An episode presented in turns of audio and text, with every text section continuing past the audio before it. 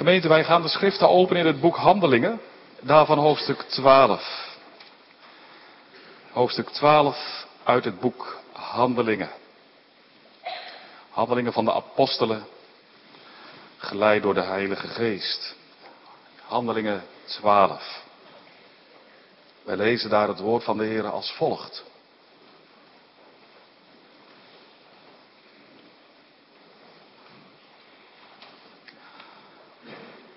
Handelingen 12.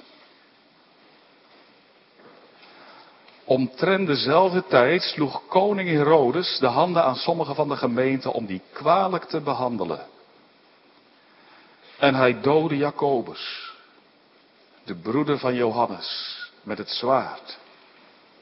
En toen hij zag dat het de Joden behagelijk was, voer hij voort om ook Petrus te vangen. En het waren de dagen van de omgehevelde broden. De welke ook gegrepen hebbend, gaf hij in de gevangenis. En gaf hem over aan vier wachten, elk vier krijgsknechten, om hem te bewaren. Willende na het paasfeest hem voorbrengen voor het volk. Petrus dan werd in de gevangenis bewaard, maar van de gemeente werd een gedurig gebed tot God voor hem gedaan. Toen hem nu Herodes zou voorbrengen, sliep Petrus diezelfde nacht tussen twee krijgsknechten, gebonden met twee ketenen. En de wachters voor de deur bewaarden de gevangenis. En zie, een engel van de Heere stond daar. En een licht scheen in de woning en slaande de zijde van Petrus, wekte hij hem op en zei, sta haastig op. En zijn ketenen vielen af van de handen. En de engel zeide tot hem, omgort u en bind uw schoenzolen aan. En hij deed alzo. En hij zei tot hem, werp uw mantel om en volg mij. En uitgaande volgde hij hem en wist niet dat het waarachtig was wat door de engel geschiedde. Maar hij meende dat hij een gezicht zag. En als ze door de eerste en de tweede wacht waren gegaan, kwamen ze aan de ijzeren poort die naar de stad leidt. Die vanzelf hun werd geopend. En uitgegaan zijnde gingen ze een straat voort en terstond scheidde de engel van hem. En Petrus, tot zichzelf gekomen zijnde, zei, nu weet ik waarachtig dat de Heer zijn engel heeft uitgezonden en mij verlost heeft uit de hand van Herodes en uit al de verwachting van het volk der Joden. En als hij alles overlegd had, ging hij naar het huis van Maria, de moeder van Johannes, toegenaamd Marcus, waar velen samen vergaderd en biddend waren. En als Petrus aan de deur van de voorpoort klopte, kwam een dienstmaag voor om te luisteren, met name Rodé. En zij, de stem van Petrus bekennend, deed van blijdschap de voorpoort niet open, maar liep naar binnen en boodschapte dat Petrus aan de voorpoort stond. En ze zeiden tot haar, u raast. Maar ze bleven sterk bij dat het al zo was. En ze zeiden, het is een engel. Maar Petrus bleef kloppend. En als ze open gedaan hadden, zagen ze hem en ontzetten zich. En als hij hen met de hand gewenkt had dat zij zwijgen zouden, verhaalde hij hun hoe hem de Heere uit de gevangenis had uitgeleid en zei, boodschap dit aan Jacobus en de broeders. En hij uitgegaan zijnde, reisde naar een andere plaats. En als het dag was geworden, was er geen kleine beroerd onder de krijgsknechten wat toch met Petrus mocht geschied zijn. En als Herodes hem gezocht had en niet vond, en de wachters rechterlijk had ondervraagd, gebood hij dat ze weggeleid zouden worden. En hij vertrok van Judea naar Caesarea en hield zich aldaar. En Herodes had in de zin tegen de Tyriërs en de Sidoniërs te krijgen, maar ze kwamen eendrachtig tot hem en Blastus, die de kamerling van de koning was, overreed hen, overreed hebben begerende vrede, omdat hun land gespijzigd werd van het land van de koning. En op een gezette dag, Herodes een koninklijk kleed aangedaan hebbend en op de rechterstoel gezeten zijnde, deed een rede tot hen. En het volk riep hem toe, een stem van God en niet van de mens. En van stonden aan sloeg hem een engel van de Heere. Daarom dat hij Gode de eer niet gaf. En hij werd van de wormen gegeten. en gaf de geest. En het woord van God wies, groeide en vermenigvuldigde.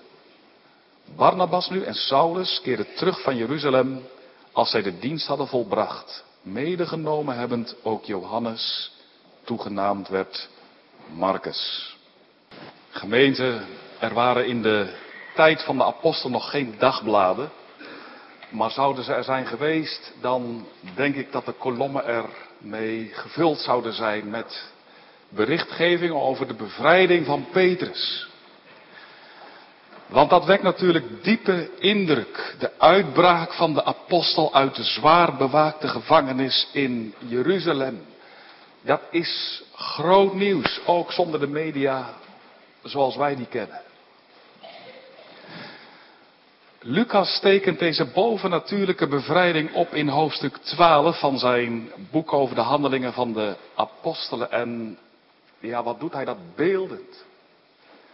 En met oog voor detail ook. Heel nauwkeurig. Onopgesmukt ook. Hij geeft feiten weer. Historisch betrouwbare feiten. Een beschrijving van wat zich heeft voltrokken. Tegelijk Lucas schrijft onder inspiratie van de Heilige Geest. Deze bevrijdingsoperatie staat niet zomaar in het woord. Heeft een bedoeling. Gaat een boodschap in schuil. Een bemoedigende boodschap voor alle die de Heeren vrezen. Doe je dat? Mag je de Heeren kennen? Tegelijkertijd ook heel waarschuwend voor hen die nog in ongeloof leven. En dat is wat we, met, dat is wat we met, met de hulp van de Heer vanmorgen ook willen verkondigen. De tekst voor de prediking vind je in vers 17. En ik lees het graag nog een keer aan u voor. Vers 17, handelingen 12, waar de Heilige Geest heeft laten optekenen. En hij, dat is Petrus, gebaarde hun met de hand dat ze zwijgen moesten. En hij vertelde hun hoe de Heer hen uit de gevangenis had geleid. En hij zei, vertel het aan Jacobus en de broeders. Tot zover. Bovennatuurlijke bevrijding, dat is het thema voor de dienst van deze dag. En we hebben twee gedachten in de eerste plaats. Heel eenvoudig hoor, dat volgt ook een beetje de teksten. Maar Petrus vertelt over zijn bevrijding. Hopen we samen ook te doen. Na te gaan, wat gebeurt er? In de tweede plaats, Petrus bemoedigt met zijn bevrijding. Hij wil dat Jacobus het hoort. Hij wil ook dat wij het horen. Hij wil de broeders en daarmee ook de zusters mee bemoedigen. Dus bovennatuurlijke bevrijding. Petrus vertelt erover en hij bemoedigt ermee. Gemeente, grote slagen treffen de jonge christengemeente in Jeruzalem. Eerst is er de terechtstelling van Jacobus, een van de belangrijke voorgangers van de gemeente. Hij wordt opgepakt en veroordeeld en ter dood gebracht. Met het zwaard. Onthoofd. Ontzettend. Het dompelt de mens in diepe rouw en natuurlijk ook Johannes, de broer van Jacobus. En dan kort daarna komt het bericht, ook Petrus is opgepakt. Overgebracht naar de burcht Antonia, een zwaar bewaakte gevangenis aan de noordkant van de tempel. En ja, hem wacht eenzelfde lot als Jacobus. Als het feest van de ongezuurde broden, dat is het paasfeest. Als dat voorbij is, dan zal ook hij worden terechtgesteld. Ontsnapping lijkt echt onmogelijk. De bewaking is waterdicht. Er zijn vier wachten van elk vier militairen. Die elkaar om de zoveel tijd aflossen. Eén militair aan de rechterkant van Petrus, één militair aan de linkerkant. En twee voor de poorten. Er zijn er drie. Om bij Petrus te komen moet je eerst een grote stalen deur door, helemaal vergrendeld. En dan nog twee andere houten deuren. Nou, de dood van Jacobus en de arrestatie van Petrus brengen veel in de gemeente teweeg. De tijd van de vervolging, verdrukking, repressie lijkt echt aangebroken. Het is koning Herodes Agrippa die de druk op christenen opvoert. De volgelingen van de Heer Jezus uit de weg wil ruimen. En dat doet Herodes Agrippa om daarmee de Joodse leiders ja, te paaien. Hij wil de onderlinge relatie versterken en zo ja, rust en ook stabiliteit tot stand brengen. Herodes Agrippa die regeert op het moment dat Petrus wordt aangehouden een enkel jaar over Judea en Samaria sinds, dat weten we precies uit de bronnen, sinds 41 na Christus. En hij is 50 jaar oud als hij de troon bestijgt en daarmee gaat hij dan in het voetspoor van zijn grootvader, dat is Herodes de Grote, die koning was in de tijd van de geboorte van de Heer Jezus. En net als zijn grootvader Herodes de Grote is ook deze Herodes Agrippa, ja wij zouden zeggen een gewiekst man. Heeft ook banden met Rome, het Hof, met keizer Claudius van het grote Romeinse Rijk. Nou, het is zonneklaar dat Herodes Agrippa, dat de christenen in Jeruzalem van deze Herodes Agrippa weinig goeds hebben te wachten. Integendeel. De toekomst ziet er dreigend uit. Wat gaat er gebeuren? Kan die kleine kwetsbare gemeente in Jeruzalem staande blijven? Zal ze uiteen worden geslagen, verstrooid, teniet worden gedaan? En wat kan de gemeente doen tegen zo'n overmacht? Wat kan ze doen? Bidden, handen vouwen, de Heere om hulp roepen, het gebed, machtigste wapen dat er is in de strijd. Nou, dat is wat we ook de gemeente zien doen in Jeruzalem. Ze komen bij elkaar in het huis van Maria, de moeder van Johannes Marcus, vriend van Petrus, en ze smeken de Heere om zijn ingrijpen. Ah ja, maar zou de Heer dat nog kunnen doen? Het is vijf voor twaalf. De executie zal morgen plaatsvinden. Is dat nog mogelijk? Er zijn misschien wel mensen in dat huis bij Maria die daarmee worden aangevochten. Kan de Heer nog een uitweg bieden? Hè? En, en, en misschien zijn er ook wel mensen die in dat huis zijn die zeggen: van, hoe kan dit toch eigenlijk allemaal gebeuren, zeg? Jacobus uit de weg geruimd, Petrus opgepakt. Hoe kan het dat de Heer dit toch allemaal toelaat? Hij is toch koning? Jezus van Nazareth is wat Petrus zelf heeft verkondigd. We hebben het hem horen zeggen op de dag van het Pinksterfeest op het Tempelplein. Daar stond hij luid en hij zegt, Jezus van Nazareth is tot, door God tot Heere en Christus gemaakt, tot koning. Waar blijkt dat eigenlijk? Er is niks van te zien. Zit Petrus daar opgesloten, ver weggestopt in een donkere cel? Waar blijkt de hand van de Heer Jezus? Zijn macht. Het zijn misschien ook wel vragen in uw leven. Gaat zo anders dan ik had gedacht. Het is zo moeilijk. Ik weet eigenlijk niet hoe het moet. Kan zo zijn, hè? Heb u dat misschien ook? Ja, jongeren, ouderen. Dat je zegt van, dat het toch gaat zoals het gaat. Ik bid, ja, ik heb de Heer gevraagd om, om, om een andere weg, maar het gebeurt niet. Lijkt zo stil, kan hè, dat je worstelt met zorg in, in je eigen, eigen leven, je familiekring of zorg in de gemeente, de kerk. Dat je misschien wel zegt, ik merk zo weinig van de nabijheid van de Heer. Waar is hij toch? Misschien zeg je vanmorgen wel. Ik ben eigenlijk ontmoedigd.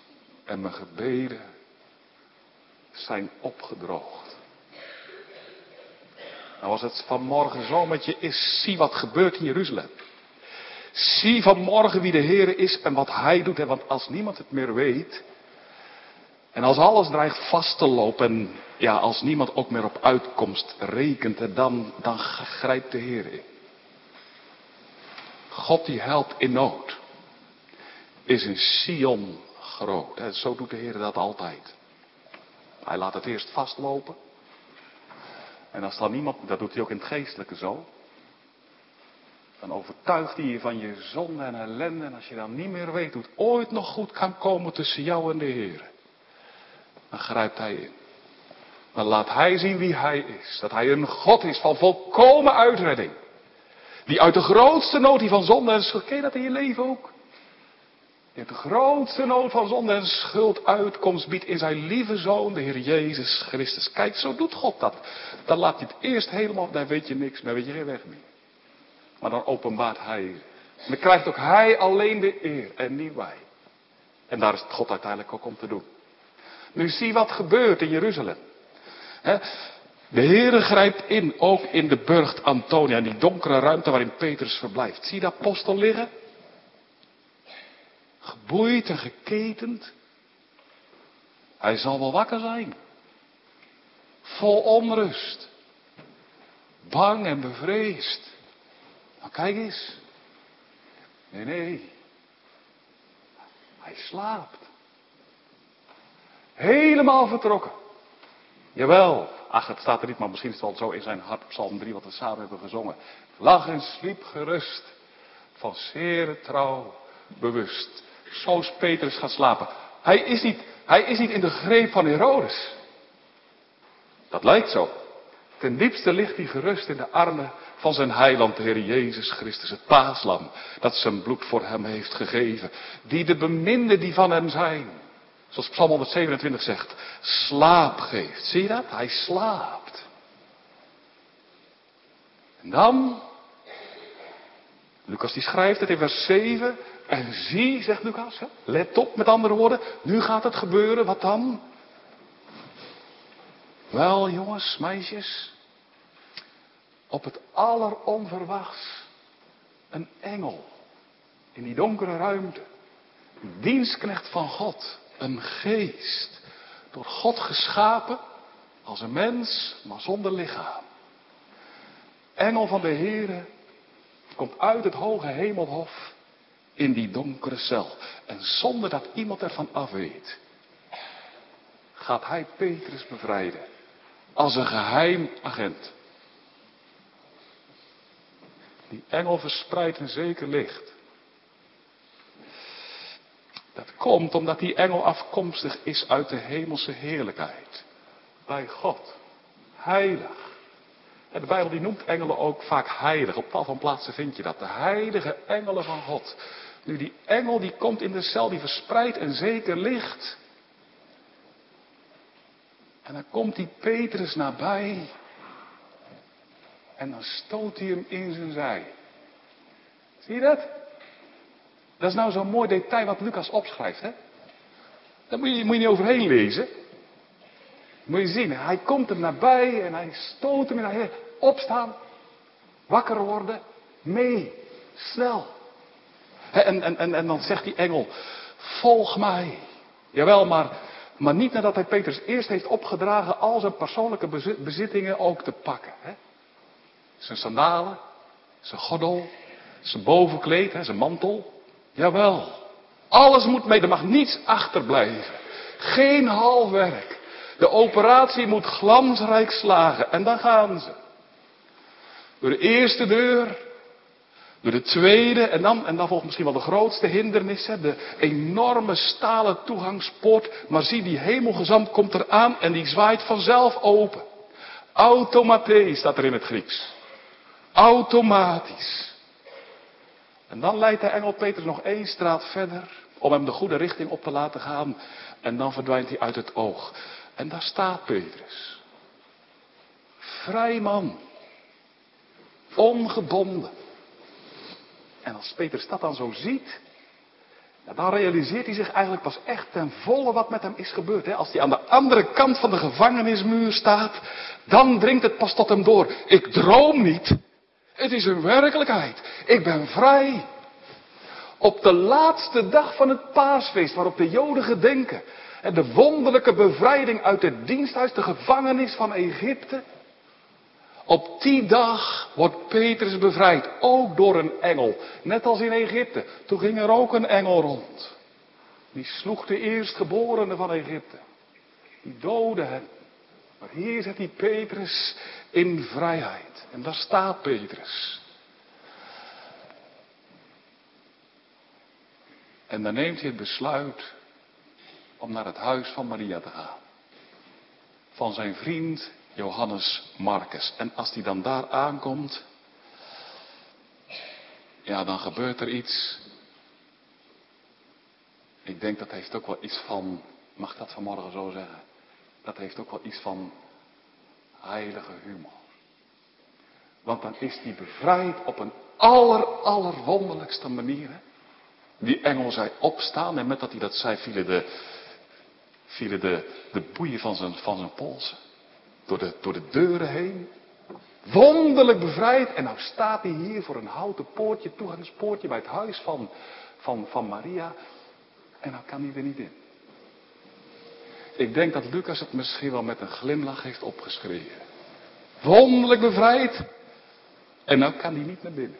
Want hij klopt en hij klopt.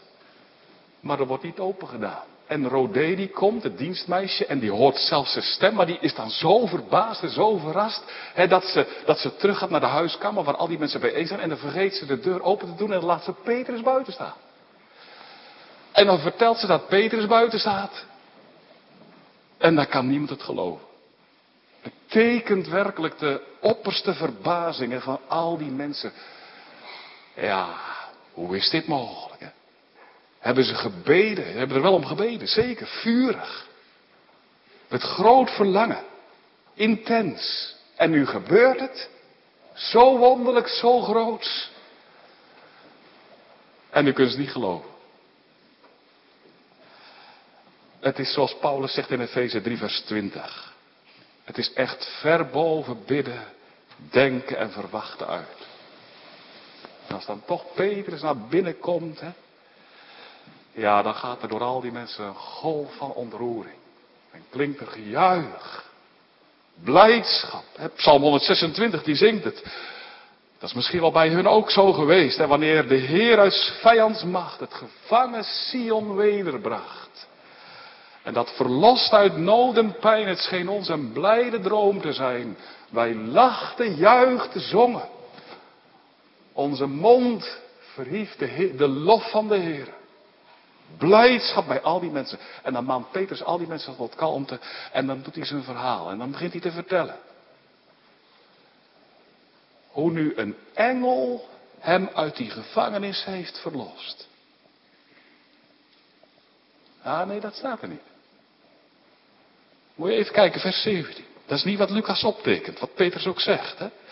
Dan lezen we, hij gebaarde hun met de hand dat ze zwijgen moesten. En hij vertelde al die mensen hoe de Heere hem uit de gevangenis had uitgeleid. De Heere. Dat is wat hij zegt. Hij zegt, de Heere heeft het gedaan. Dat is misschien wel de spits van deze geschiedenis, dit hoofdstuk. De Heere heeft het gedaan, zegt Petrus. En Lucas heeft dat zo gehoord en die heeft het zo nauwkeurig opgeschreven. Hij vertelde hoe de Heere hen had bevrijd. Ah ja, het is natuurlijk wel helder hè, dat het door een engel is gebeurd. Een engel heeft Petrus bij de hand genomen. Een engel heeft het gedaan. We zien ook in deze geschiedenis, dit hoofdstuk, dat, dat, dat, dat, dat nergens anders in het boek Handeling het, woord engel zo vaak voorkomt als in hoofdstuk 12. In totaal komt het in het boek Handelingen 21 keer voor. En we zien in dit boek zeven maal. Een derde. Veel aandacht voor de engel. En toch, Petrus zegt heel nadrukkelijk, de Heere heeft mij bevrijd.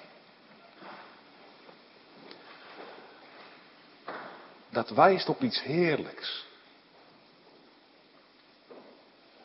Dat wijst erop, en dat is wat, wat Petrus zegt en ook Lucas bedoelt aan te geven, dat wijst erop dat de Heer Jezus van Nazareth alle macht heeft en ook regeert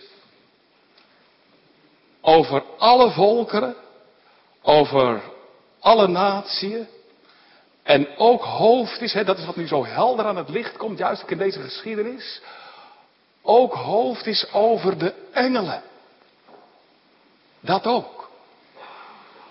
Ah, dominee, zeg je, dat wist ik eigenlijk al wel. Ja, dat kan zo zijn, maar dat is wel heel bijzonder dat wij dat hier lezen. De Heer Jezus Christus, Jezus van Nazareth, is ook hoofdkoning van de engelen. Kijk, Petrus en de apostelen die hebben tot nu toe verkondigd dat de Heer Jezus koning is. Hè? Wonderlijke boodschappen. Jezus van Nazareth. Hij die zo diep vernederd is. Een weg van armoede is gegaan, van lijden en sterven. Zelfs aan het kruishout genageld. Ach, als toch ergens duidelijk leek te zijn dat God niet met hem was, dan was het wel aan het kruis, toch? Als je hem daar zag hangen, Jezus van Nazareth, in zijn armoede, zijn wonden, zijn lijden en sterven. Iedereen was van één ding overtuigd, God is niet met deze man. God heeft hem verlaten. Zo diep vernederd, jawel. Maar nu heeft God hem uitermate zeer verhoogd. Dat is de boodschap van de apostelen. God heeft hem opgewekt uit het graf.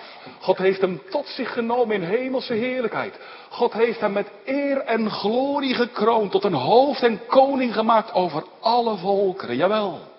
En zegt Petrus hier ook, tot koning over de engelen. Dat ook. God heeft zijn zoon Jezus de heerschappij gegeven over al die engelenlegers. En dat zijn er vele, dat blijkt uit Psalm 68. Duizenden en nog eens duizenden engelen. Die zijn van hem. Hij is koning. En hij regeert. En al die engelenlegers die staan hem ter beschikking bij de uitoefening van zijn regeerambt. Nou, dat is de boodschap van Petrus. Petrus zegt, kijk maar. Hier sta ik. Heer Jezus heeft mij verlost en hij heeft daar zijn engel voor gebruikt. Daarmee wil Petrus bemoedigen, vertroosten. De broeders in zijn tijd, ook de gelovigen in deze tijd, ook vanmorgen u hier.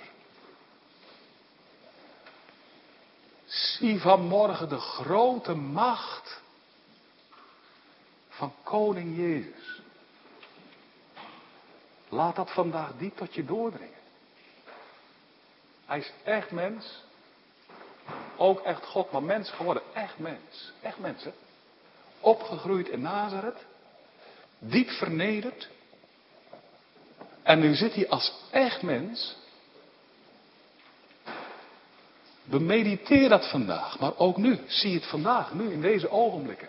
Zit daar aan de rechterhand van God. En oh, wat een macht.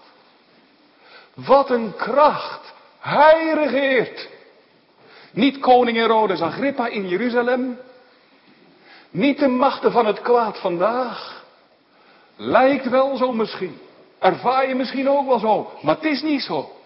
Jezus regeert. En hem staan legioenen van engelen ter beschikking. Jezus. En oh, wat een macht heeft hij, maar wat een macht heeft hij ook door al die engelen.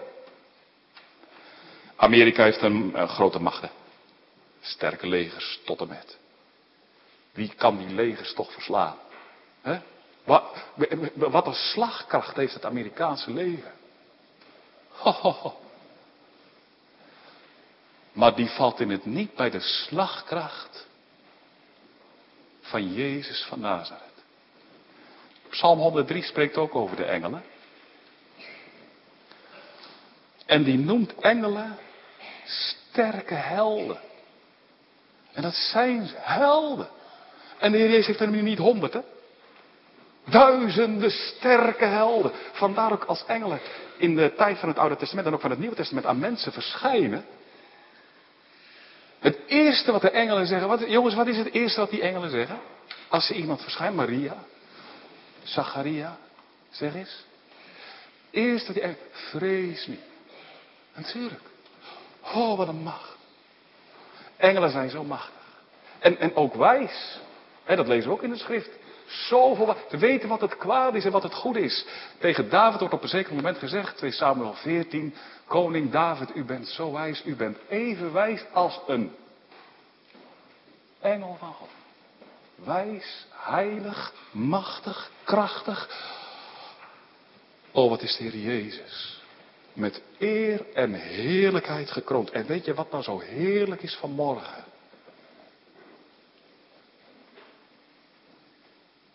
Hij zet die in engelen in. Ten dienste van alle die in hem geloven. Ja, ja, ja, ja. Hij zet ze in ook vandaag. Ten dienste van alle die in hem geloven. Is dat ook niet wat we lezen in Hebreeën 1, vers 4? Zijn zij, de engelen, niet alle gedienstige geesten, die worden uitgezonden van hen die ten dienste van hen die de zaligheid zullen beërven. Zie? Ook vandaag. Ook vandaag worden ze uitgezonden. Komen ze nabij. Even nabij als ze Petrus nabij kwamen. Ze zijn niet ver weg, ook vanmorgen niet. Wij kunnen elkaar hier zien, hè? U ziet mij hier staan. En ik zie u hier zitten. We weten zeker van elkaar dat we hier zijn. Toch, even zeker is het dat er ook vanmorgen engelen zijn. Ook al zien we ze niet. Ik moet denken aan een uitspraak die iemand deed. Op elke lege plaats in de kerk. En het zijn er vanmorgen gelukkig niet veel. Trouwe opkomst, hè. Sommigen weer voor het eerst. Op elke lege plaats in de kerk zit een engel. Ik denk dat is waar. En ze luisteren ook vanmorgen mee. En ze zien ook toe hoe u luistert. Met aandacht. Met betrokkenheid. En ze verblijden zich als er wordt gepreekt. Naar de zin en de mening van het woord. En ze verblijden zich in het bijzonder als hier vanmorgen zondaren beleiden wie ze zijn. En tot geloof komen in de Heer Jezus Christus. Dan is er vreugde in de hemel. Engelen zien toe op uw leven. Verblijden zich. Zij zijn gedienstige gezanten die de Heer uitzendt. Ja, ja, ja. Ook vanmorgen, hè? Zitten ze. Die plaatsen daar. Achter je, naast je hier. Deze stoelen. Oh, laten wij dat beseffen. Wij staan in een geestelijke werkelijkheid. Wij leven voor het aangezicht van God. Engelen zijn bereid te doen waartoe koning Jezus hen uitzendt. Waartoe zendt hij ze uit? Wel twee dingen. Ik kan veel meer over doen, maar vanmorgen twee dingen. In het bijzonder om te beschermen tegen fysiek gevaar, tegen lichamelijk gevaar. Heel concreet. Als je de Heeren mag kennen, dan zijn de engelen als een lijfwacht bij je. Die voorkomen dat anderen je kwaad berokkenen je aanvallen, je bij de keel grijpen, je kwaad doen. Engelen staan altijd klaar om te beschermen. Ik sprak een keer een vrouw die met haar man werkt onder moslims, evangeliseert. En vaak heb je goede toegang tot hen, hè, maar soms ook niet. En toen zei ik op een gegeven moment, ben je nooit bang voor agressie? Als je gaat zeggen, er is maar één weg. Jezus Christus, de Zoon van God, de waarheid, de weg, de waarheid en het leven. Ben je, nooit bang voor, voor agressie? Ah, jawel, zegt ze, jawel. Maar dan moet ik vaak denken aan de geschiedenis van Elisa, 2 Koningen 6. Elisa, die daar stond samen met zijn dienaar Gehazi. En de Syriërs die kwamen aanrukken. En Gehazi bang, maar, maar wat zegt Elisa? Weet je het? Elisa zegt, Vrees niet. Die met ons zijn, zijn veel meer dan die met hen zijn. En daarmee bedoelde Elisa op de machten en de kracht en de legioenen van de engelen in zijn nabijheid. Nu zo beschermen de engelen tegen lichamelijk gevaar. Maar ook, en dat is het tweede wat ik vanmorgen wil noemen, maar ik moet me wel beperken, hè? maar het tweede wat de engelen ook doen is, is, is, is beschermen tegen geestelijk gevaar. Dat ook. Want er zijn vele geestelijke boosheden in de lucht. Paulus die wijst erop in Efeze 6. De kwade machten, de gevallen, gevallen engelen. Reken je ermee? Die zijn altijd maar in de weer, ook van morgen. Om je aandacht af te trekken, om je te verleiden. Verkeerde gedachten in te werpen. Verlangens die niet goed zijn om de wet van de Heer te overtreden. Hè? Demonische krachten. Wetteloze krachten. Krachten die erop uit zijn om de eerbied voor God en voor het heilige weg te nemen. die gaan rond. Duivelse machten, maar dan zijn er ook engelen. De goede machten die die duivelse, die boosheden in de lucht op afstand houden. Die zijn daar ook vandaag in het gevecht. Zij strijden. Zij voorkomen dat de wereld één groot toneel van geweld en agressie zal worden en perversie. Nou, zo zijn die engelen werkzaam. Zoals de duivel je probeert te verleiden en het kwade te laten doen, zo zijn de engelen actief om mensen aan te zetten tot goede gedachten. Je te prikkelen in goede verlangens. Niet af te wijken van het spoor van de Heer. Zie? Dat is wat de Heer doet. Koning Jezus zet zijn engelen in. Om alle die van hem zijn te beschermen. Ze hebben je in het oog, kind van de Heer. Ze zijn je nabij als het moeilijk is. Persoonlijke lijfwacht. Wat een genade, hè? Die krijg je. Hoef je niets voor te doen. De Heer geeft het. Hij gebiedt zijn engelen. Om je te beschermen als je aan het werk bent. Op school. Als je gesprek hebt met mensen en het wordt moeilijk of je voelt je onveilig. Hè? Ze zijn bij je ook als je in het ziekenhuis bent. En naar de operatiekamer gaat. Dan zegt de Heer, ik zal mijn engelen gebieden. Dat je je voet niet aan een steen zult stoten. Ze zullen je leiden.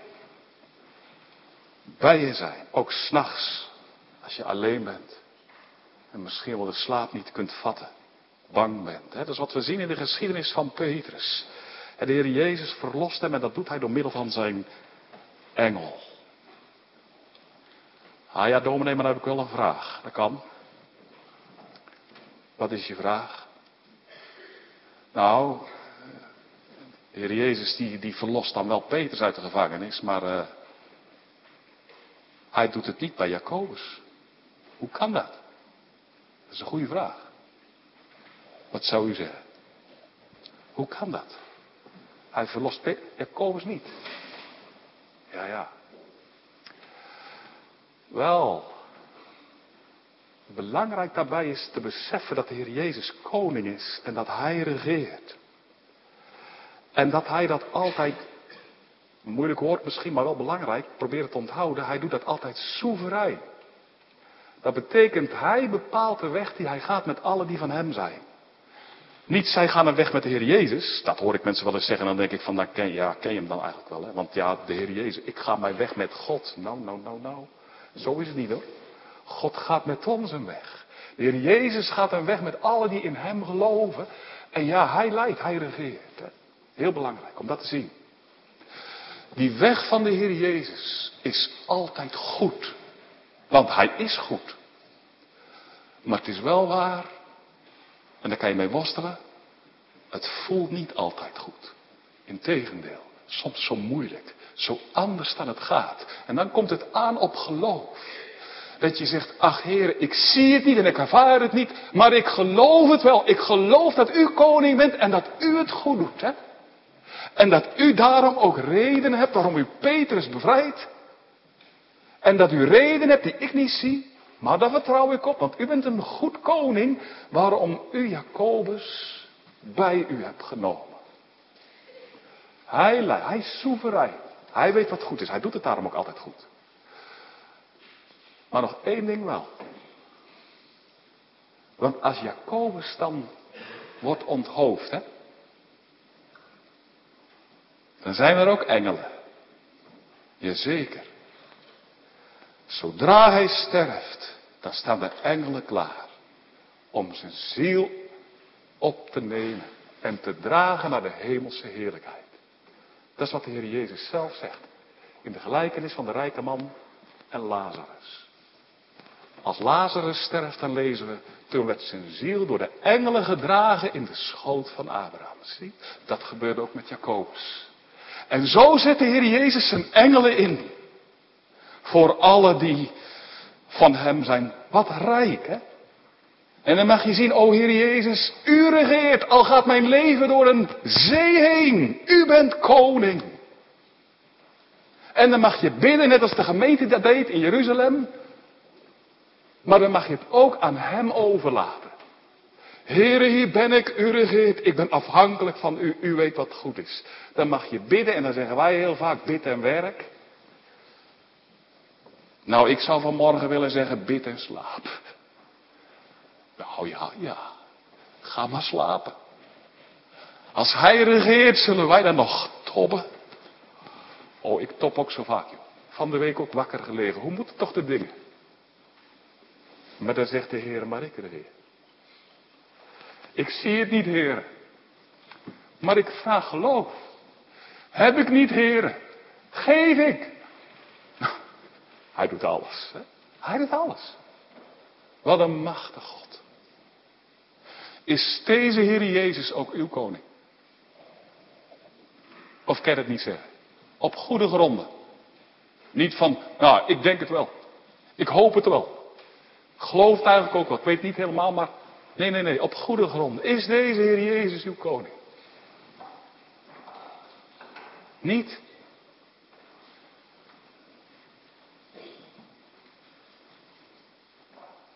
Dan heb ik nog wel een ernstig woord. Want zo rijk alle mogen zijn die geloven in de Heer Jezus Christus. En voor wie al die duizenden engelen ten dienste staan. Zo arm bent u. Als u niet gelooft in deze Heer Jezus. Wat dan? Dat blijkt ook uit het slot van hoofdstuk 12. Over het levenseinde van Herodes Agrippa.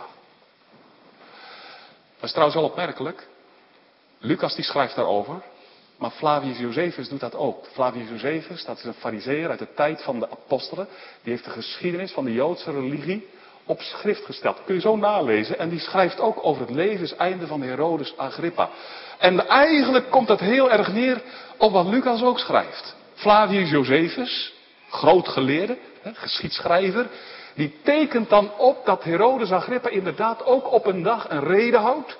En dan zegt Flavius Josephus, hij stond daar met een prachtig zilver gekleurd mantel in, te schitteren in het licht van de zon. Hij hield een toespraak voor het volk. En het volk was zo diep onder de indruk dat zij van, nou, hebben we nog nooit gehoord, deze man is niet een gewoon mens, hij moet van God zijn. Van goddelijke kom af.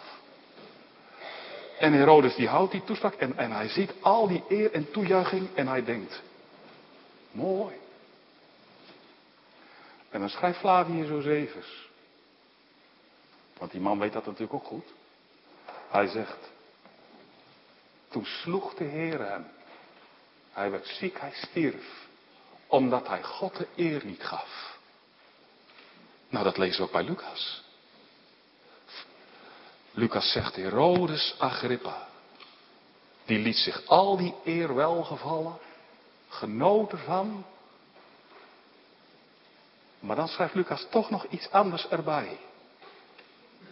Dat schrijft Flavius Josephus niet, maar Lucas wel, vers 23. En onmiddellijk sloeg een engel van de Heer hem, omdat hij God de eer niet gaf. Zie? Lucas ziet meer dan Flavius Josephus. Hij ziet in geloof, engelen kunnen je beschermen, maar ook slaan. Ook slaan. O neem het ter harte. Meiden, jongens, ouderen. Engelen kunnen je ook slaan. Treffen. Hard. Als je de Heer Jezus afwijst als je koning, zo'n goede koning.